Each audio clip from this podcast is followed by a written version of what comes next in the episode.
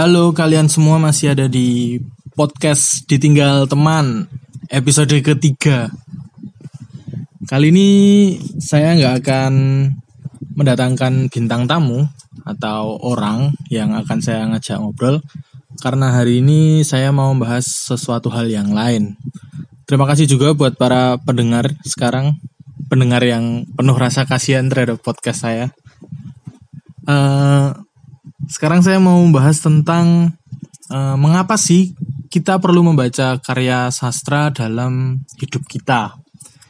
Tentu saja isinya nanti akan sangat subjektif dan berisi banyak pengalaman saya tentang bagaimana sih sastra bisa mengubah kehidupan saya dan mungkin kehidupan banyak orang dan kenapa sih saya merekomendasikan kalian semua untuk membaca karya sastra gitu. Jadi yang pertama sebelum kita masuk ke intinya, uh, saya akan sedikit memaparkan apa sih sebenarnya karya sastra gitu ya. Ada nggak sih cara untuk uh, mengetahui mana yang sastra dan mana yang bukan? Gampang ya sebenarnya. Kalau masuk toko buku tinggal lihat uh, tinggal lihat kategorinya, kalian pasti tahu di situ yang sastra yang mana dan yang bukan sastra yang mana. Tapi lebih daripada itu menurut saya mengotak-ngotakkan sastra ini pekerjaan yang sedikit sia-sia ya.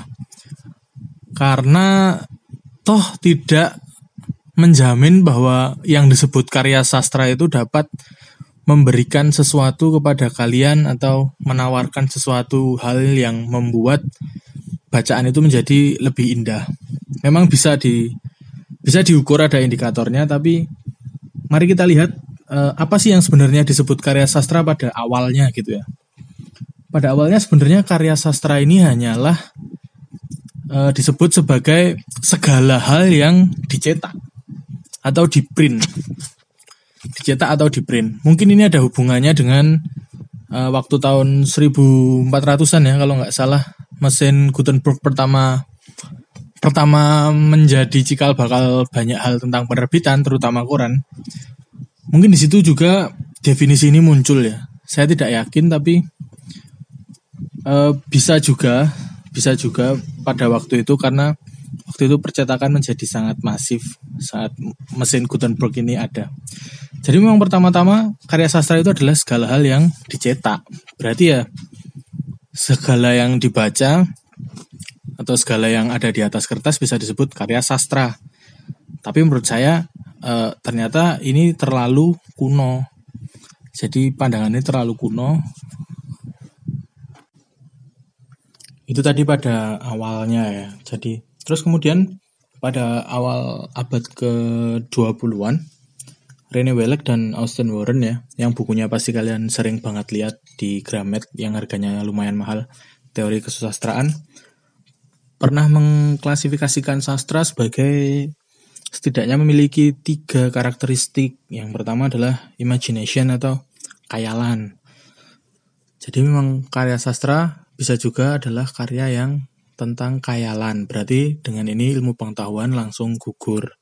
Lalu yang fiksi, yang fiksi ya. Jadi yang bukan hal yang real, hal yang fiksi dan yang ciptaan. Jadi karya sastra menurut René Wallach dan Austin Warren punya tiga tiga elemen ini jadi kayalan, fiksi, dan ciptaan.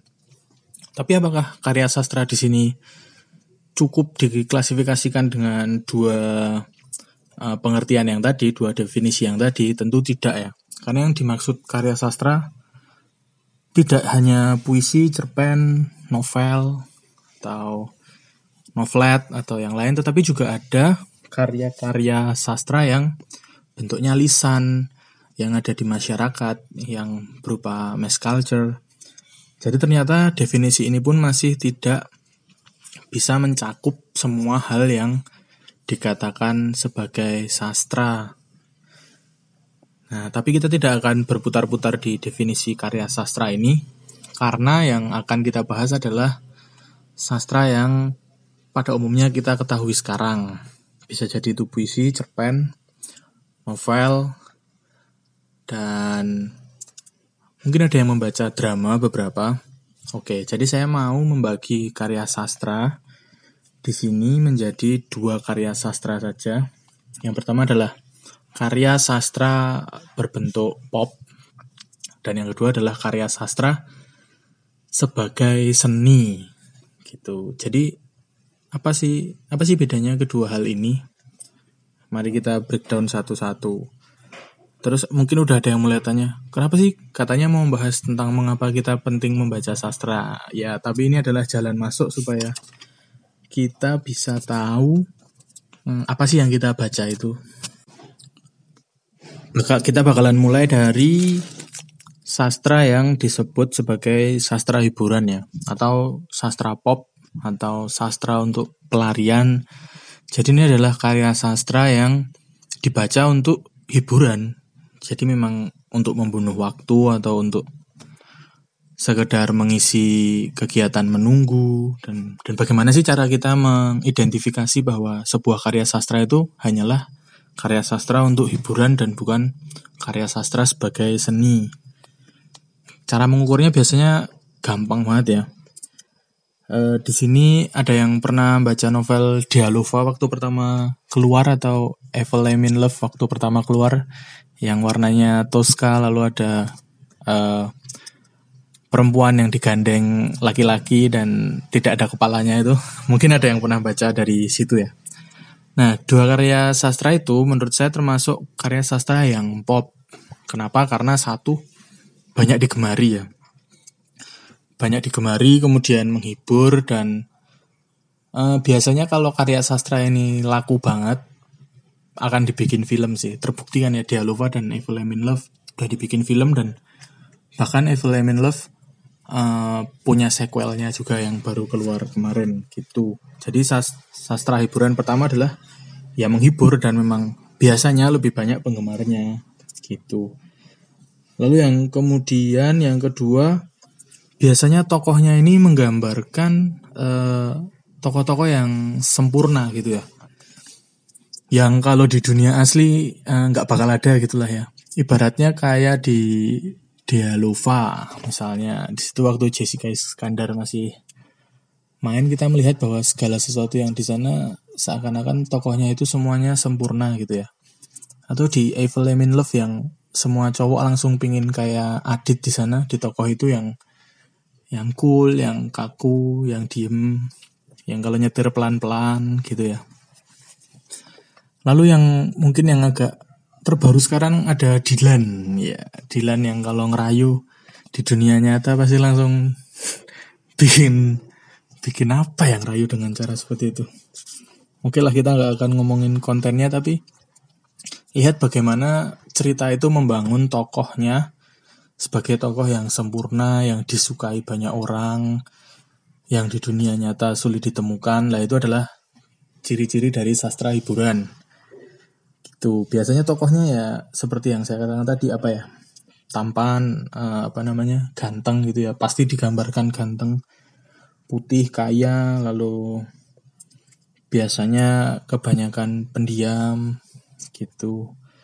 Lalu bagaimana sih cara kita membedakannya lagi gitu? Ada masih ada cara lain yaitu kalau karya karya itu, karya sastra itu mm, menimbulkan self identification atau membuat kita ingin menjadi seperti salah satu tokohnya, ya itu berarti karya sastra itu karya sastra yang sebagai hiburan. Jadi kita merasa bahwa kita ingin menjadi tokoh tersebut dan apa ya, membuat kita memiliki wishful thinking gitu ya. Sesuatu harapan-harapan yang harapan-harapan yang sulit diwujudkan gitu ya. Terus ada juga hal yang lain yang menjadi ciri-ciri dari sastra ini. Tidak semua ya, tapi kebanyakan karya pop di Indonesia itu biasanya nanti akan memunculkan luar negeri sebagai suatu hal yang keren atau sebagai suatu pelarian. Misalnya kalau di Evelyn Love mereka pergi ke Prancis ya, ke Paris. Lalu kalau di Dialova itu kalau nggak salah kakaknya sekolah di luar negeri gitu. Ini ini temuan saya. Atau contoh lain tentang karya sastra pop yang masih hangat misalnya hmm, Hujan Bulan Juni. Hujan Bulan Juninya Sapardi Djoko Damono. Oke, kita boleh bilang kalau puisi-puisi beliau memang juara ya. Maksudnya memang keren. Bahkan puisi dengan judul yang sama pun memang uh, keren banget gitu kalau kita mau kupas satu persatu um, lapisan maknanya. Tapi ketika itu menjadi novel, bagaimana kita bisa melihat novel itu sangat ngepop ya.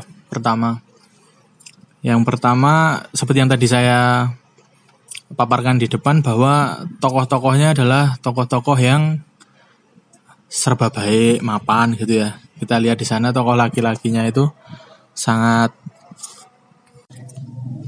sangat menjadi idola gitu ya. Meskipun dia dari desa gitu tetapi karirnya sebagai mahasiswa dan pekerjaannya itu uh, bisa menjadi idaman gitulah. Kita kita memiliki keinginan untuk menjadi tokoh yang sama seperti dalam cerita.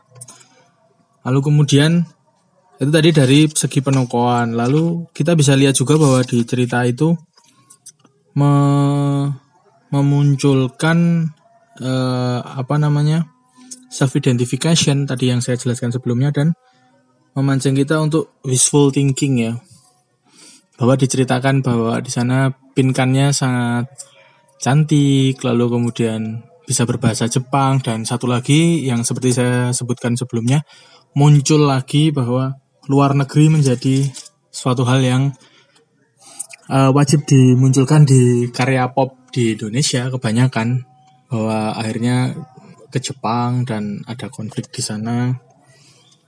Oke, kita bisa meninggalkan apa yang disebut dengan karya pop.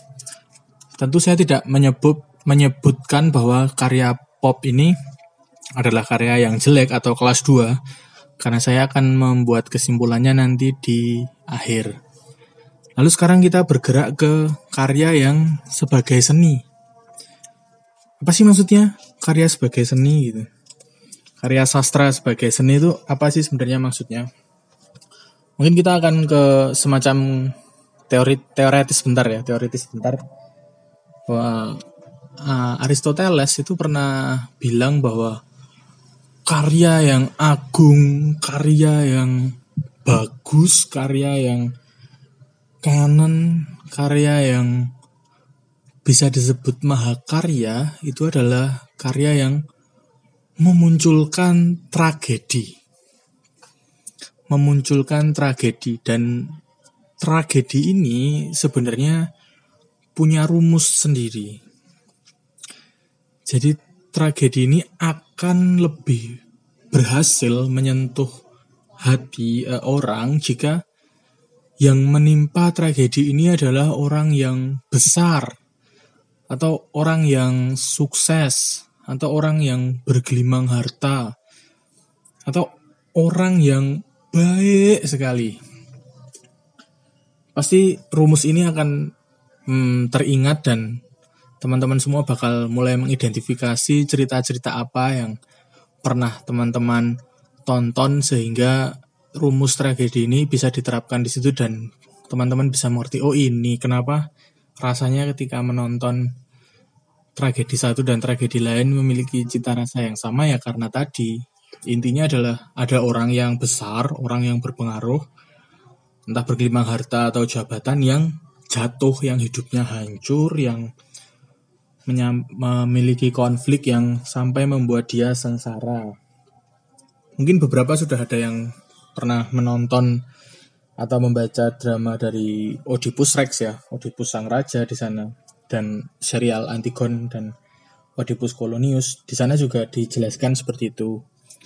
Atau juga ada yang pernah menonton atau membaca Ramayana dan Mahabharata. Itu juga di sana bisa memunculkan tragedinya. Dan tragedi ini akan uh, sepaket dengan yang namanya rasa kasihan atau peripitinya. Jadi ketika kita kita sebagai manusia biasanya cenderung akan lebih simpati ketika melihat orang besar atau orang sukses itu uh, menderita. daripada melihat orang yang biasa saja menderita. Mungkin nilai ceritanya kurang di situ ya. Aristoteles juga pernah mengatakan bahwa karya sastra yang bagus itu adalah karya sastra yang menghadirkan teror. Jadi menimbulkan ketakutan. Toh saya juga belum tahu maksudnya bagaimana, tapi mungkin kalau membaca karya-karya sastra Ed Edgar Allan Poe. Di sana memang banyak yang menceritakan tentang kematian dan hal-hal yang gelap. Dan mungkin bisa menjadi trigger untuk ketakutan ketakutan yang bisa kita rasakan gitu ya. Gitu. Tapi bener gak sih kayak gitu? Apakah Aristoteles setelah beratus-ratus tahun ini masih bisa dipercaya omongannya gitu beberapa orang yang lain tapi juga pernah mencoba mengklasifikasikan karya sastra yang bernilai seni itu seharusnya bagaimana. Jadi memang tidak hanya mengacu pada yang Aristoteles bilang, ada juga yang berkata bahwa karya sastra itu ya harus terdiri dari dua hal, dua struktur penting yaitu bentuk dan isinya. Gitu. Atau e, karya sastra bernilai seni itu harus mengutamakan kausalitasnya. Jadi sebab akibatnya harus jelas dan plotnya itu harus terikat oleh klausa itu dan peristiwa satu harus diikuti peristiwa lain. Lalu ada juga yang berkata bahwa karya sastra bernilai seni itu adalah karya sastra yang tokohnya itu bulat. Dalam artian tokohnya bulat ini ketika awal cerita misalnya se seorang tokoh memiliki seperangkat kepribadian seperti itu ya. Lalu karena dia digerakkan atau menggerakkan cerita dalam karya sastra tersebut, pada akhir cerita dia memiliki konsep baru dan memiliki uh, kepribadian yang baru atau sifat-sifat yang lama ia tinggalkan seperti itu. Ada juga yang berkata demikian. Tapi apakah hal itu juga selalu mutlak gitu ya? Lalu biasanya juga karya sastra yang dianggap sebagai karya yang seni itu biasanya konflik-konfliknya itu dilematis. Dalam artian dia bisa berkonflik tidak hanya dengan orang-orang di sekitarnya atau tokoh antagonisnya, tapi juga bisa berkonflik dengan dirinya sendiri. Bahkan beberapa karya sastra ada yang hanya menceritakan konflik tokoh dengan dirinya sendiri. Seperti itu. Lalu ada juga yang berkata bahwa karya sastra yang bernilai seni itu harus ada suspense-nya atau harus ada kejutannya. Atau kalau kata anak-anak sekarang ada plot twist-nya. Bagaimana yang kita anggap akan terjadi, yang kita anggap akhirnya akan bermuara pada suatu titik, ternyata di tengah jalan itu semua bubar. Itu juga menjadi salah satu uh, kriteria karya sastra yang bernilai seni seperti itu. Nah, setelah penjelasan saya tadi selama ini yang sangat berbelit-belit dan seakan teoritis, kita akan mulai menghancurkan uh, semua hal yang tadi saya paparkan. Kita hilangkan dulu, kita kesampingkan dulu semua teori-teori yang pernah dimunculkan itu. Karena saya akan masuk ke dalam kenapa sih kita perlu membaca karya sastra ya? Kita akan lepaskan definisi karya sastra dulu. Mungkin sekarang kita akan masuk ke mengapa kita perlu membaca novel, membaca puisi, membaca cerpen, membaca novelet gitu ya. Jadi kita perlu membaca sastra pertama-tama karena sastra itu menawarkan e, membantu kita untuk melihat realita tapi dalam sudut pandang yang berbeda. Jadi misal kita sama-sama melihat peristiwa satu ya, tapi dengan karya sastra kita ditawarkan dengan sudut pandang pengarang. Atau bahkan dalam karya sastra yang lebih kompleks, kita ditawarkan beberapa sudut pandang oleh pengarang. Misalnya cerita tentang Roro Jonggrang cerita tentang Roro Jonggrang kita bahkan bisa mendapatkan perspektif itu dari dua pengarang ya. Satu dari Pramudia Anantatur dan satu dari Romo Mangun Wijaya kalau nggak salah. Nah, dari dua sudut pandang itu kita dibantu untuk melihat sebuah realita itu dari dua sudut pandang yang berbeda gitu. Lalu kenapa kita perlu membaca sastra? Karena seharusnya sastra itu menjadi kalau orang Jawa bilang menjadi tuntunan dan tontonan. Jadi sastra itu seharusnya ya menghibur, tapi juga harus memberikan sebuah pendidikan atau insight insight baru dalam hidup kita, dapat memberikan pengetahuan baru mungkin atau dapat memberikan sudut pandang baru seperti yang sebelumnya saya katakan. Yang dinamakan juga dulce et utile. Jadi itu penting ya buat memperkaya kita sebagai manusia. Tapi bagaimana sih sastra ini bisa menjadi tontonan, menjadi hiburan dan tuntunan dalam waktu yang bersamaan. Nah ini yang bisa kita bilang sekarang sedikit sulit ditemukan ya. Karena mungkin sekarang banyak cerita atau banyak buku yang isinya justru setengah buku lebih isinya hanya wejangan-wejangan atau kata-kata mutiara dari penulisnya yang ingin dimasukkan begitu saja ke pikiran pembacanya tanpa tanpa melalui medium-medium cerita yang medium-medium cerita yang uh, dapat diciptakan melalui karyanya itu sendiri. Jadi memang hari ini bisa menjadi kritik sih buat para penulis yang mungkin ceritanya terlalu banyak quote-nya ya mungkin itu menjadi buku yang quotable ya yang bisa yang bisa mengisi story-story Instagram kalian para pembacanya dan mungkin bisa membuat oh iya ya, oh iya ya. Tapi sebenarnya menurut saya karya sastra yang baik harusnya itu dapat memunculkan efek yang sama bahwa uh, akan memunculkan quote itu tapi tidak secara gamblang dituliskan tapi lewat aksi-aksi tokohnya atau lewat bagaimana tokohnya menghadapi suatu masalah atau cerita yang berkembang di dalam karya itu.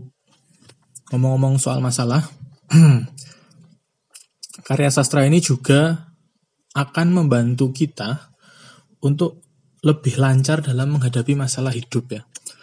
Karena kan sebenarnya sastra ini adalah miniatur dari kehidupan kita dan semakin banyak kita membaca karya sastra, seharusnya kita akan lebih terbiasa untuk menghadapi konflik-konflik dalam hidup kita atau menghadapi permasalahan-permasalahan dalam hidup kita dengan penyelesaian-penyelesaian yang bijak atau setidaknya kita tahu bahwa ketika kita menghadapi satu konflik dan kita menyelesaikannya dengan cara ini, maka hasilnya akan seperti ini.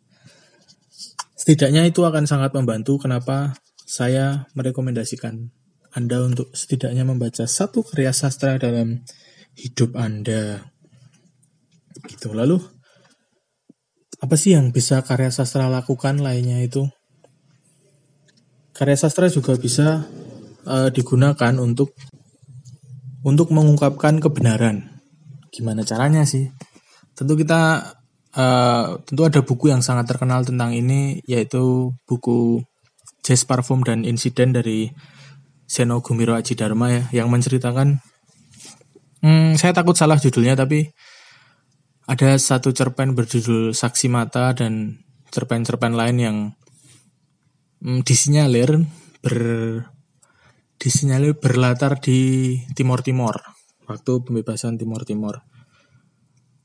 Ceritanya bagaimana? Tentu di situ ceritanya akan sangat mengerikan jika itu terjadi dalam realitas sebenarnya.